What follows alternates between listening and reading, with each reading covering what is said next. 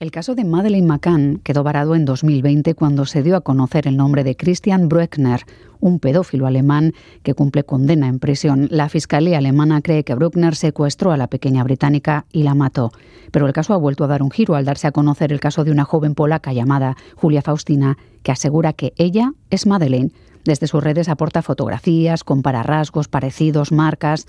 Su caso, aunque entre sospechas y muchas dudas, ha ido creciendo en notoriedad hasta el punto de que los padres de la niña, Kate y Jerry McCann, han accedido a someterse a una prueba de ADN. Soy Miriam Duque, la encargada de abriros esta Gambara Negra, un podcast de crónica negra en el que hacemos que ciencia, especialistas y pruebas hablen más que nosotros para recomponer la actualidad y tratar de entender la mente de quienes se escoran al lado oscuro.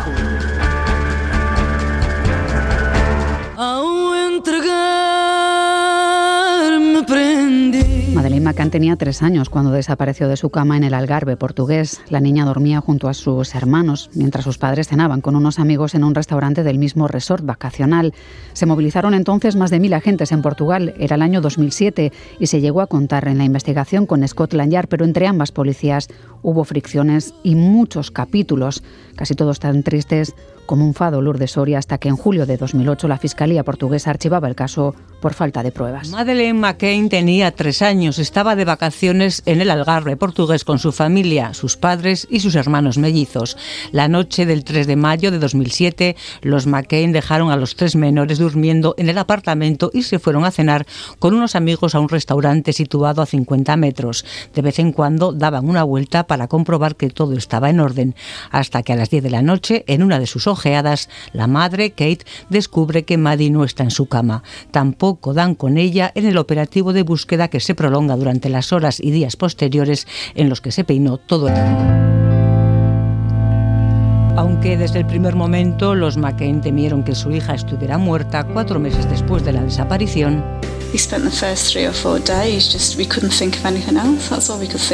Kate se aferraba al hecho de que no había evidencias de que su hija estuviera muerta. Pocos días después, y para sorpresa de todos, los padres pasan a ser sospechosos de la desaparición de Maddie, que si dormían a sus hijos con medicamentos, que si se habían encontrado restos de fibra capilar de la niña en el maletero del coche que habían alquilado, la policía llegó a creer que Madeleine había fallecido en un accidente y que sus progenitores lo habían ocultado. Sin embargo, meses después, las autoridades portuguesas exculpan a los McCain por falta de pruebas.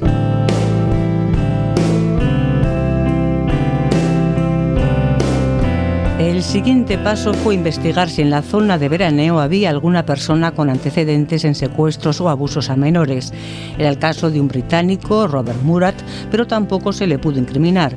Con las pesquisas en punto muerto, los padres de la niña piden incluso al primer ministro británico, David Cameron, una revisión del caso y el gobierno lo acepta. Investigadores británicos, la policía portuguesa que reabre el caso y detectives privados contratados por la pareja se centran en varios sospechosos relacionados con robos en la zona y con una red de pederastas. La búsqueda de Madeleine se amplía a otros países siguiendo los testimonios de ciudadanos que decían haberla visto en Malta, Marruecos, Argentina. La Interpol confirmó que todas eran pistas falsas. En declaraciones a Sky News, los padres decían que en este tiempo han pasado por todos los estados de ánimo posibles y que pese a todo tienen que seguir adelante. En junio de 2020, las autoridades germanas dicen tener nuevos datos y señalan al alemán Christian Bruckner como sospechoso del secuestro y muerte de Madeleine. Se trata de un traficante de drogas con antecedentes por delitos sexuales que está cumpliendo actualmente condena en su país. Aquel 3 de mayo estaba en Portugal. En la casa que tenía en el país vecino encontraron material informático que contenía pornografía infantil. Desde prisión, Bruecker ha negado, sin embargo, su implicación en la desaparición de la niña. Sin que nunca haya aparecido el cuerpo de la menor, el caso de Madeleine ha saltado de nuevo a la actualidad porque Julia, una joven polaca de 21 años,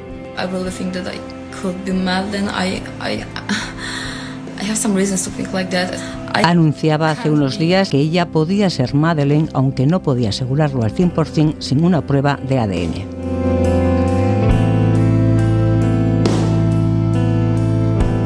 La de Maddie, Madeleine McCann, es una de las desapariciones más mediáticas de la historia y ahora suma este nuevo capítulo, el de la joven Julia Faustina, una joven de 21 años que vive en Polonia y asegura ser Madeleine. Tiene dos años más que los que tendría Maddie, pero cree que si la secuestraron probablemente falsearon su edad para que nadie sospechara. En su cuenta de Instagram aporta imágenes de los parecidos con Maddie y sus padres, pero no siempre los hijos se parecen a los padres, de eso hablaremos también. Carlos Basas es escritor especializado en novela negra. ¿Qué tal, Carlos? ¿Cómo estás? Hola, muy bien. ¿Y vosotros? Bien, con ganas de, charlar y de hablar de este caso, Carlos, que no sé si es extraño, ¿eh? aunque entiendo que la edad eh, no es lo más importante, tendría una explicación, ¿no? Si de verdad ha sido secuestrada, cualquiera buscaría que los datos no encajen demasiado con la descripción de una niña que se busca, ¿no? Hmm, bueno, es, es, un caso interesante eh, y que ha sido bastantes veces llevada, llevado a la ficción, al cine, incluso a la literatura, en películas y en novelas, ¿no? Pues hijos secuestrados de muy pequeños que reaparecen tiempo después, que la madre quiere reconocerlos y eso inicia una, una, bueno, una espiral o una batalla eh, legal por, por demostrar que realmente ese es mi hijo que lo secuestraron hace tanto tiempo. Lo que no es tan normal es eh, que sea la propia niña quien, quien diga ser ella, ¿no? Contra mm. la voluntad de sus padres, etcétera. Pero también hay casos de, desaparición, eh, sobre todo pues en, en, sitios como en Argentina, etcétera, donde niños sospechan que, que pueden haber sido secuestrados y que quieren encontrar a su familia. Iñaki Rusta también está aquí, ex jefe de la Policía Científica de la Archancha, Caixo Iñaki. Caixo. Y también Marian Martínez de Pancorbo, catedrática de Biología Celular y responsable del Banco de ADN de la UPV. Bienvenida, Marian. Gracias. Los padres de Madi dicen estar abiertos a cualquier posibilidad que haya. Iñaki, de hecho, ya han pasado por investigar avisos de lugares lejanos en el planeta, desde Marruecos a Australia. Supongo que es habitual que se pida la colaboración ciudadana y que eso genere también mucho ruido, ¿no? Quiero decir que haya multitud de llamadas y que de esas haya que extrapolar las que sí pueden ser una pista fiable, ¿no? Supongo que difícil pero útil es la definición de este tipo de cuestiones cuando se pide colaboración ciudadana.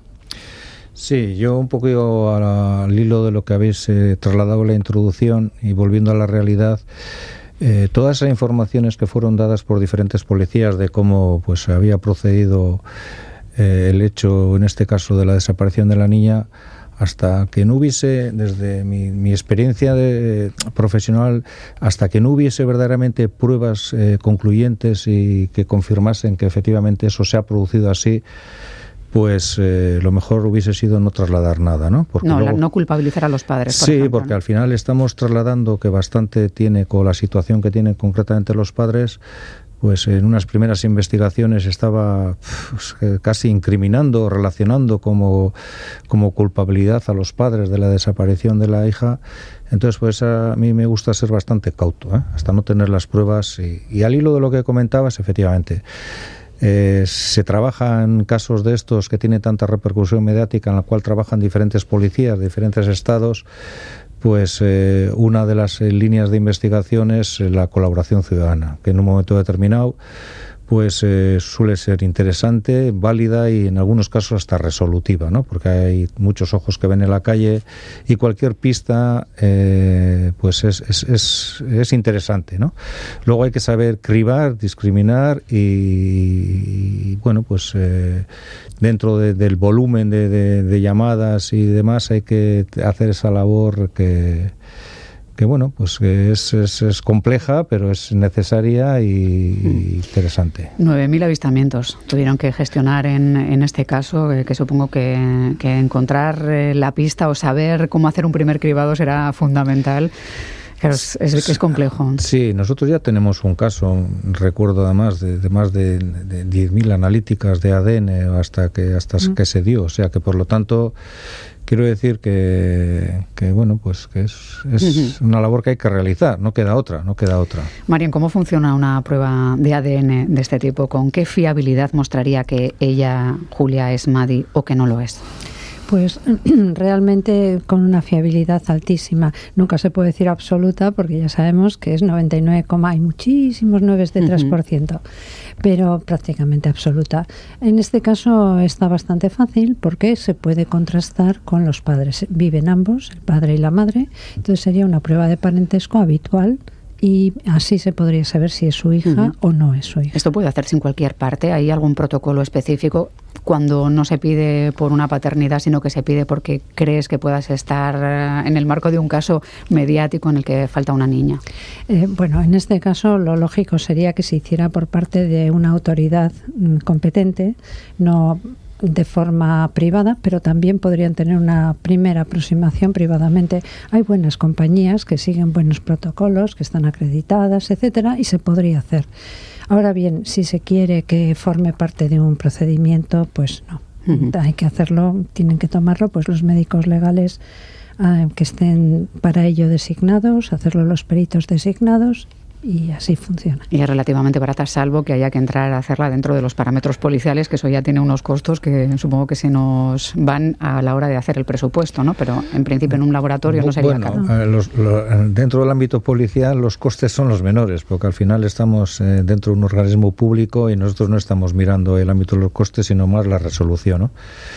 Y efectivamente, pues, como bien dice Marian, pues no es muy complejo el estudio comparativo del ADN. Y si tenemos por otra parte el tema de las huellas dactilares, que tenemos que ser conscientes que desde, el sexto mes de la vida intrauterina ya, en este caso, ya están eh, de alguna manera desarrolladas todas las crestas, por lo tal también tenemos otra vía de, de investigación que hubiese sido sencilla sin esperar a realizar el cotejo del ADN, mucho más sencillo y mucho más eh, con menos burocracia, por decir de alguna manera. ¿no? Claro, aquí, Marian, si estamos hablando en, el caso de huellas dactilares de una niña de tres años, entendemos que si viajan hoy en día cuando uno se mueve por diferentes países con bebés o con niños, sí que suele tender a hacerse un documento oficial y por tanto sí habría huellas, lo que no sé si evolucionan pasados 16 años de una forma fácil de tratar. Claro, el problema con las, en principio a los tres años están las huellas están establecidas, no debiera de haber cambios. Lo que ocurre es que siempre se puede entrar en debate, cosa que hoy día parece que el ADN pues es un debate menor, ¿no? Pero de entrada para una yo aprovecharía todas las opciones, es decir, ¿qué hay huellas dactilares? Huellas dactilares, que además se puede hacer el ADN, se hace el ADN. Es decir, en un caso como este de una desaparición de una niña en estas circunstancias y demás, no hay que escatimar ningún esfuerzo. Tú que llevas muchos años dedicada a esto del análisis de ADN, eh, ¿es relativamente normal que no nos parezcamos a nuestros padres cuando se cotejan fotografías, por ejemplo? Porque si no sería sumamente fácil, ¿no? Es bastante normal. De hecho, las pruebas de parentesco en ocasiones se generan precisamente por este motivo, porque eh, uno de los progenitores eh, observa, sobre todo, claro, en este caso el padre suele ser, observa que el hijo o la hija, pues que no se le parece e incluso piensa que se parece a otra persona que, que ha tenido contacto con la madre, etcétera. Entonces, eso es un caso bastante frecuente, es decir, la falta de parecido hmm. va a llevar en ocasiones a hacer pruebas de ADN. Sospecho por la mirada de, de Marian Carlos que en breve con una gota sabrá no solo si es ella, sino si tiene tendencia a robar en, en cualquier supermercado. Porque están avanzando de una forma tremenda, Carlos, ¿eh? Sí, sí, sí. Yo, creo que sí salió algún día una estadística de eh, la cantidad de, niños eh, que realmente eran hijos de uno de, un cónyuge distinto al otro en, España. Fue una, estadística que a mí me dejó bastante, bastante sorprendido. Sí, bueno, pues la vida a veces se confunde, por lo visto. Quisiera hacer una pequeña parada en la edad. Madeleine McCain tendría hoy 19 años, la chica que cree serlo 21. Es verdad, como decíamos al comienzo, que en cualquier situación en la que alguien se lleva a una niña a otro sitio y trata de volver a empezar sin causar sospechas, pues podría empezar perfectamente por decir que tiene un año más, un año menos y, evitarse la comparativa directa, ¿no? Entiendo que alguna vez habrá pasado. Y luego me gustaría que María me dijese si es fácil saber la edad eh, con un análisis más o menos razonablemente fácil. Y que esto podría ser una forma inicial de evitar sospechas, cambiar la edad, eh, cómo se podría cambiar el corte de pelo o, teñírselo, por ejemplo. Una búsqueda internacional, si se puede buscar a alguien que lleve a una niña de unos tres años, rubia, de media melena y ojos claros. Bueno, una primera búsqueda pudiera ser, pero luego a partir de ahí se eh, empiezan a realizar otro tipo de, filtros que ya van más a, datos técnicos. Enseguida vamos a, ir a los parámetros eh, con un especialista, pero Marian, si me gustaría saber si en principio principio te resultaría fácil saber si una persona tiene 19 o 21 años eh, con un análisis más o menos simple? Bueno, ah, se ha avanzado en el tema de la determinación de la edad pero no hasta ese punto fino. Se hace también con ADN, pero unas técnicas un poquito diferentes es una cosa que se llama epigenética, si se me permite la palabra. Es precioso además. y, y sí, hay, hay varios marcadores que se analizan y demás. Lo que ocurre es que en el mejor de los casos están dando un más menos 4, es decir, por ejemplo, se puede estimar que tiene 20 años, menos 4 sería 16, más 4 sería 24, estaría entre 16 y 24. No solucionaría el problema concreto del que estamos hablando. Bueno, vamos a ver si lo solucionamos, a ver si analizando retina, por ejemplo, el iris, eh, que parece que podría tener una importancia en este caso porque sabemos que la niña tenía una mancha en uno de los ojos y algunas otras marcas especiales podríamos avanzar. Queremos sumar a esta conversación a Frances Menen, que es ingeniero forense y perito de la empresa Perito Judicial Oficial, que ha repasado las fotografías de los últimos días y sobre todo acumula horas de trabajo, años de trabajo y estudio que le permiten ser un especialista en labores de reconocimiento. Frances, bienvenido a este espacio. ¿Qué tal? ¿Cómo estás? Pues muy bien, la mar de bien, escuchándoos, como siempre, escuchándoos y, y aguantando el frío. Sí, que hace mucho frío en líneas generales en todas partes. Bueno, lo cierto es que en las redes eh, Julia Faustina aporta fotos comparando rostro con el de la niña, con el de los Macán, busca demostrar que sus rasgos coinciden y demostrar así su identidad, pero claro, estamos hablando de 16 años de diferencia y sobre todo de un salto de bebé de 3 años a una edad adulta, que supongo que eso complica las comparativas. Bueno, claro, complica la comparativa porque la, madurez va, va, va progresando y va disimulando unas formas y, y acrecentando otras. Yo, por ejemplo, te voy a explicar una cosa. Yo cuando, cuando estudiaba, eh, por ejemplo, o cuando se empiezas a dibujar un cuerpo de un, bebé, de un bebé o de un niño de es, de es de un cuarto de cabeza. Y ya, cuando es adulta, pues te viene a ser entre siete cabezas, siete cabezas y media, u ocho, si es vasco, claro. Hmm. Claro, ya las comparativas, las comparativas se complican un poco ahí. Es verdad. Es verdad que es difícil la autentificación biométrica, que bueno, que en la base hay un reconocimiento facial. Me gustaría que hablásemos de esos parámetros que hacen falta para que sea fiable ese reconocimiento, sobre todo pasado ese tiempo. Más allá del cromático, que sé que colores de piel, pelo y ojos más o menos podría coincidir, pero la morfología es más complicada, ¿no? ¿Cómo analizamos nariz y boca? Es, más complicada. Yo pienso que generalmente, eh, yo donde lo practico, eso donde lo hago más, es en las ruedas de reconocimiento. Por ejemplo, encarcelan a uno por primera vez o lo detienen por primera vez las, fotografías. Y al cabo de unos cuantos años vuelven a, a, coger sí, sí, y entonces a ver si es el mismo o no y entonces hay unas variaciones y se nota que es o no es que quede claro ¿no?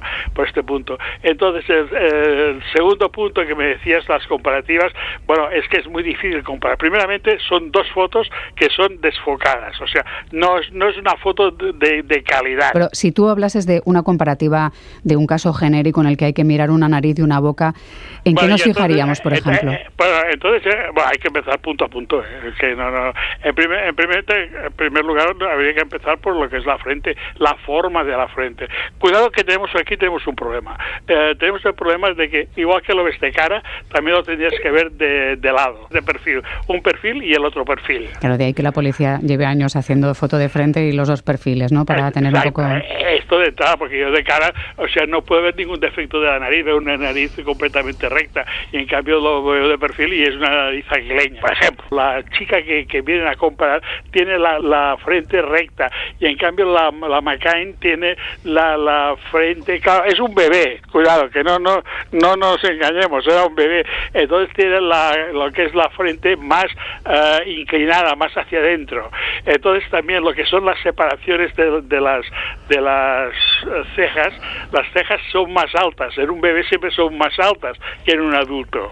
O sea que eso dificultaría, ¿no? La, parte de los ojos. Eh, esto dificultaría. Después lo que es eh, lo que es el, entrecejo, o sea, la parte inicial de la nariz está lo que es el entrecejo muy separado, cosa que la adulta no lo tiene tanto. O sea que digamos que las proporciones, si tuviésemos que trasladarlas, no parecerían encajar demasiado. No, no, no, no, porque hay una fase de madurez, una fase de desarrollo. Eh, esto por, por un lado, el cráneo se va separando también y lo que es la forma de, de la mandíbula también se va estirando. o sea, a medida que va ah, creciendo. Los ojos, en este caso, ¿te parece que tienen su punto de...? Los ojos son los que crecen menos.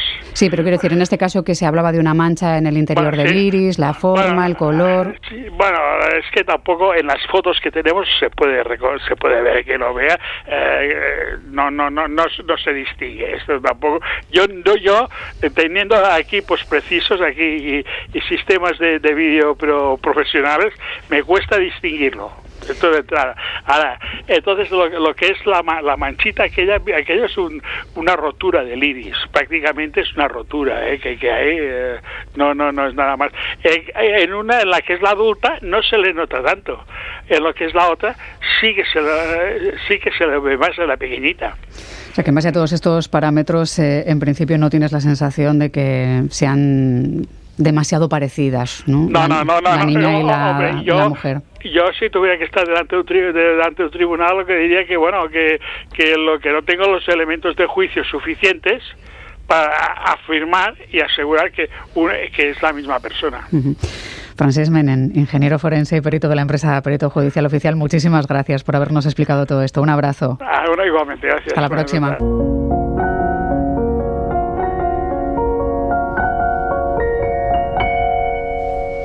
Pues seguimos charlando con Marian Martínez de Pancorbo, Iñaki Rusta y Carlos Basas. Eh, hablábamos con Frances Menen, que, tiene mucha energía, y, es verdad que, cuando uno analiza fotografías que llegan de Internet, que tienes que compararlas, que tienen perfiles, diferentes enfoques, contrapicados, picados, mm, bueno, realmente se puede hacer un análisis muy poco riguroso porque no, no podemos mirar, pero sí queríamos saber en qué puntos deberíamos fijarnos en, este proceso. Sigue habiendo muchas incógnitas y es verdad, Marian, que es difícil, ¿no? que el ADN es verdad que que, es la mejor baza que tenemos, eh, porque las comparativas, pues bueno, niñas más o menos rubias, de ojos similares, rasgos más o menos parecidos, pues es verdad que se parecen, pero tampoco parece algo científicamente. Tanto, incluso la, la, manchita del ojo, como decíamos, que es un coloboma, esa eh, es aparece entre 2,5 y 8 cada 100.000 nacidos vivos, que tampoco es que sea muy, muy rara. Es decir, que podría incluso darse la coincidencia que probablemente es una de las cosas que ha llevado a esta chica a sospechar que ella puede ser. Pero realmente, teniendo elementos efectivos, como comentábamos antes, unas huellas, el ADN, con eso sería más que suficiente. Hubiera sido bueno hacerlo cuanto antes para evitar todo este tráfico de ideas y de... Sí, que es verdad que si Julia tiene bueno pues una estabilidad o psicológicamente pues débil o está atravesando por un momento delicado, pues es verdad que esta notoriedad no ayuda, que tal vez la está buscando sin darse cuenta de que puede hacerle más daño que bien, pero son muchas las incógnitas todavía que hay en torno al caso Carlos. Eh, bueno, esta chica ha disparado su popularidad, sus seguidores y dice que cree ser esa niña secuestrada con tres años, que dice tiene flashes, que recuerda una canción. En su contra está esa edad que no encaja que decíamos, eh, que su familia ha salido en medios eh, a decir que la historia no, no, se sostiene y que está además representada en cierta medida por una medium, ¿no? que se llama Fia Johansson. No sé si sabes quién es eh, esta mujer que representa como una suerte de agente a, a Julia. Sí, bueno, es, es una medium youtuber eh, que se ha hecho famosa en eh, otros casos y que ahora, pues bueno, intenta eh, sacar rédito a este, ¿no? siempre siguen el mismo procedimiento. Al principio dicen que no, que no hay prestación económica, que no hay un interés pecuniario detrás de todo esto, pero en el fondo, pues de lo que se trata es de absolutamente eso, ¿no? Porque si no, uno procura arreglar las cosas no de manera pública y notoria, sino a, a, través de pues, un contacto directo con la familia o a través de otros medios que no implican luz y taquígrafos de, la sociedad, ¿no? por decirlo de algún modo. Eh, y, estos mediums eh, utilizan una serie de técnicas que son muy conocidas, ¿vale? que son lo que se suele llamar la lectura en frío. Luego, cuando hablemos del caso de, Alison Dubois, un poquito más adelante, os comentaré exactamente en qué consisten esas, esas técnicas, ¿no? pero son muy habilidosos para eh, hacer creíble detalles que si tú los analizas por separado y en frío, pues no, no, van a ningún sitio, ¿no? Pero cuando los vas conjuntando, ya escogido, si os fijáis a una niña que tiene ese defecto en la pupila, da igual que un experto nos diga, como en este caso Marian, eh, que se da en X casos de cada 100.000, la opinión pública lo único que ve es esa imagen, ¿no? Y se va construyendo un relato. También eh, son los lunares, también son las pecas. Mm, a mí una de las cosas que me hace sospechar, por ejemplo, precisamente es la búsqueda de eh, el parecido eh, o el gran parecido físico, ¿no? Cuando, cuando escuchábamos a, a, Francesc, pues bueno, o sea, uno evoluciona mucho. Es decir, si tantos años después eh, te pareces tanto, probablemente es que no sea real, ¿no? Mm. Por decirlo de, por decirlo de algún modo. pero hay que tener muchísimo cuidado con, con, esta gente, ¿no? O sea, los verdaderos, la, la gente que quiere ayudar y que tiene un interés en, bueno, en esclarecer la verdad, no se va ni a YouTube, ni a TikTok, ni a Instagram, ni a este tipo de sitios para eh, montar un caso como, como, como, es este, ¿no? que supongo que hay gente que tiene, no voy a decir una sensibilidad especial, pero sí probablemente hay gente que tiene una capacidad especial de observar un, un, escenario y pararse en detalles que probablemente yo no vea o que no vea todo el mundo, que no es lo mismo que tener sensibilidad especial, que es lo que mencionamos aquí, o que es lo que suelen decir los y las videntes, que cada vez hay menos por otra parte más allá del cine. Supongo que en tu larga trayectoria ni has estudiado esto en la academia, el, el mundo de la sensibilidad especial ni sé si te has topado en alguna ocasión con casos de este tipo, ni siquiera de estudio, ¿no? Que quizás en la Interpol o en alguna policía se haya mencionado que se han ofrecido videntes, porque esto antes sí pasaba. Entiendo que eran otros tiempos, que el cine influía mucho y sugestionaba. ¿Algún caso en el que se mencionara, si, si acaso, la presencia de alguien queriendo colaborar? Bien, como decías, no es lo mismo ver que mirar. Nosotros, lo primero, una de las normas en la inspección ocular, eh, tenemos un escenario para todo el mundo es igual, pero ya para los técnicos y es, con la experiencia que se tiene, eh, nosotros vemos más allá que ese escenario que para, para un neófito pues sería algo, algo normal. Eh, efectivamente, eh, el otro día estuve leyendo un artículo, además creo que eh, la gente ahora joven seguía más por los youtubers que por los médicos para darles la información cuando piensan o creen tener eh, algún problema. Esto es... es eh, fantástico. Esto, que eso nos pasaba a los medios, pero veo que a los médicos también. Ya no, sé qué será lo siguiente. Esto sí que es un problema porque los youtubers, en este caso los medios, efectivamente de eso, de eso se valen. Y como bien decía Carlos, nunca cobran, nunca cobran, pero luego al final, si yo no quiero cobrar, lo hago con total discreción y lo solvento. ¿no?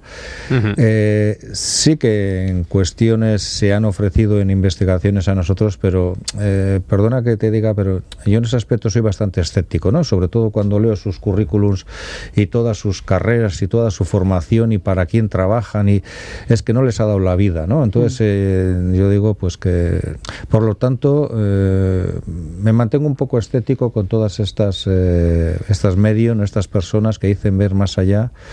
Ah, algo he estudiado, algo les he visto y me mantengo con todas las reservas. No, no quiero, no quiero profundizar más claro, en la materia. No, no, quiere profundizar más. Nos toca a nosotros, Carlos. Claro, una cosa es lo que creamos y otra cosa es lo que nos encantaría, ¿no? Que el mundo fuese como en la literatura o como en el cine y que pudiésemos creer en esto. Carlos. Bueno, tiene miedo al mal de ojo, yo lo entiendo.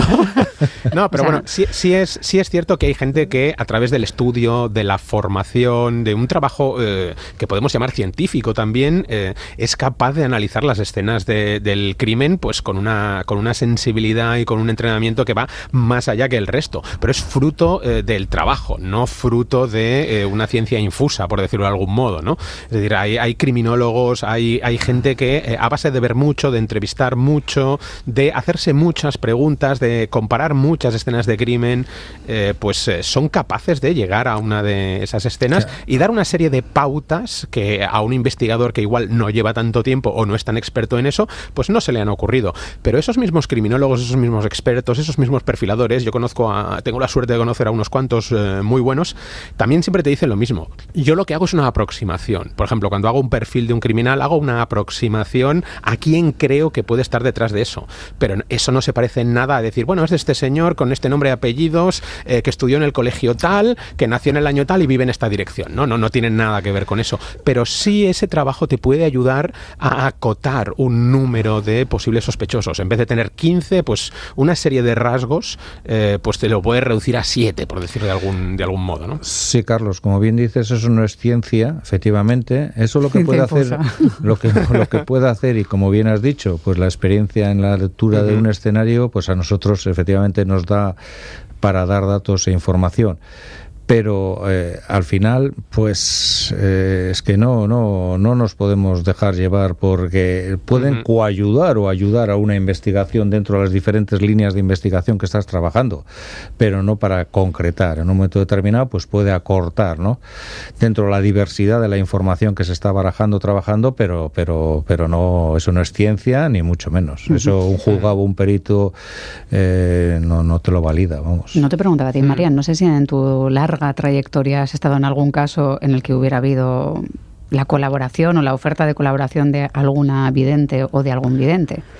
No, no exactamente, pero tuvimos un caso curioso que era que se pensaba un cuchillo que apareció, un cuchillo carnicero grande que apareció en un desván de una casa y se pensaba que tal vez pudiera haber sido con el que se cometieron los crímenes de, de los, pues eso, de Hyde Park, todas estas estos crímenes, ¿no? Y bueno, pues mm, sobreentiendo por esto que el desván no estaba en Euskadi, ¿no? Sí, sí, el ah, desván estaba aquí, el ¿Ah, cuchillo, por lo visto, y sí que había una persona, pues así, con una especie de poderes extrasensoriales que lo asociaba y demás.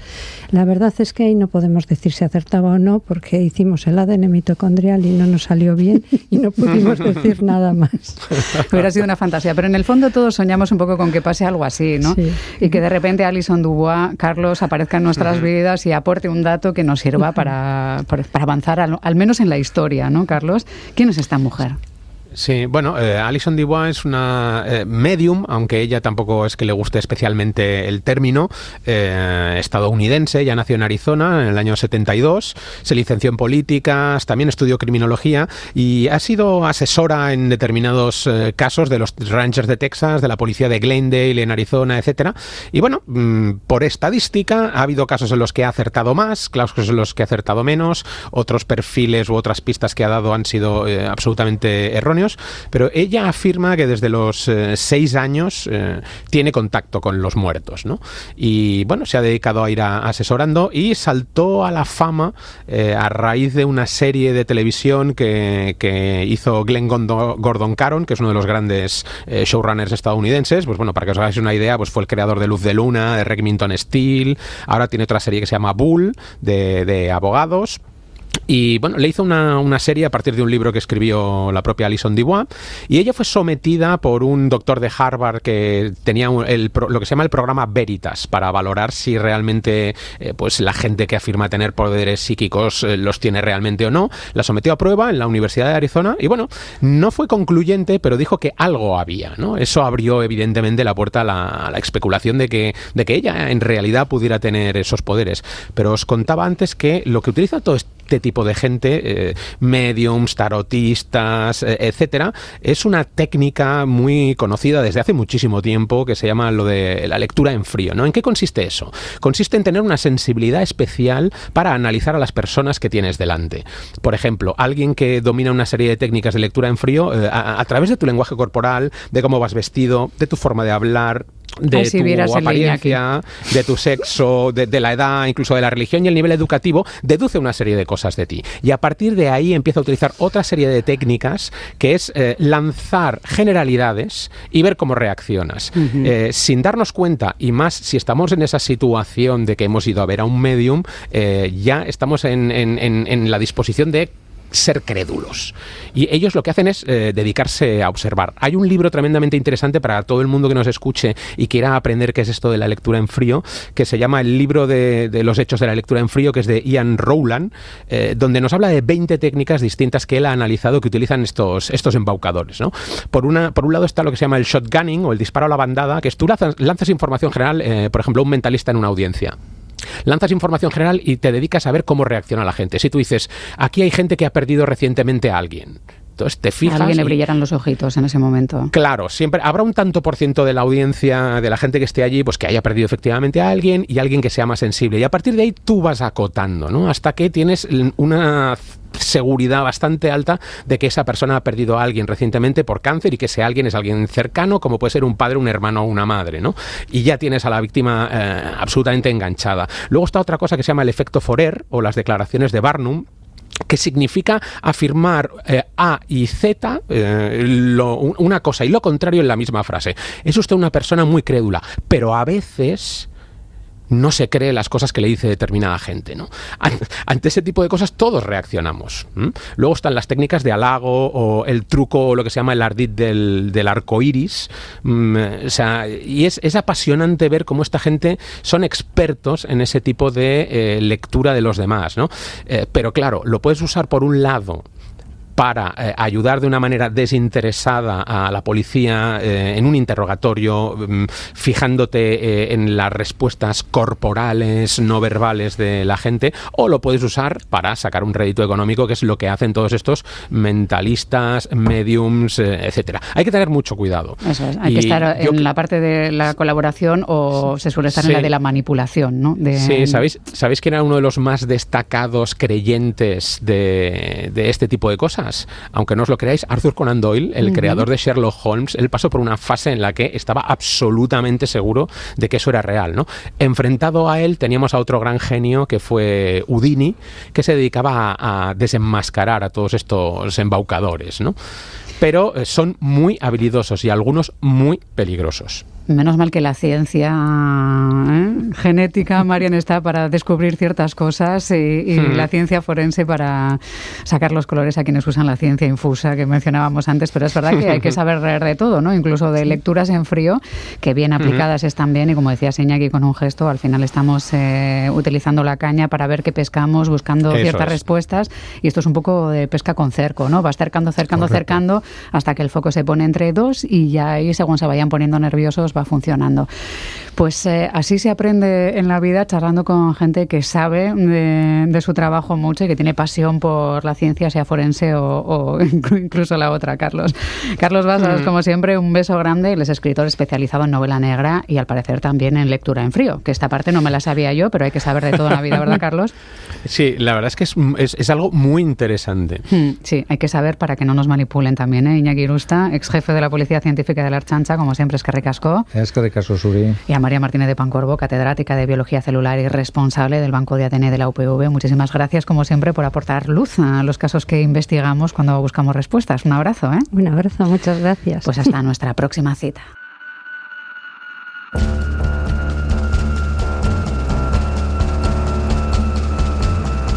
Gambara Negra, el podcast de crónica negra e investigación de EITB Podcast.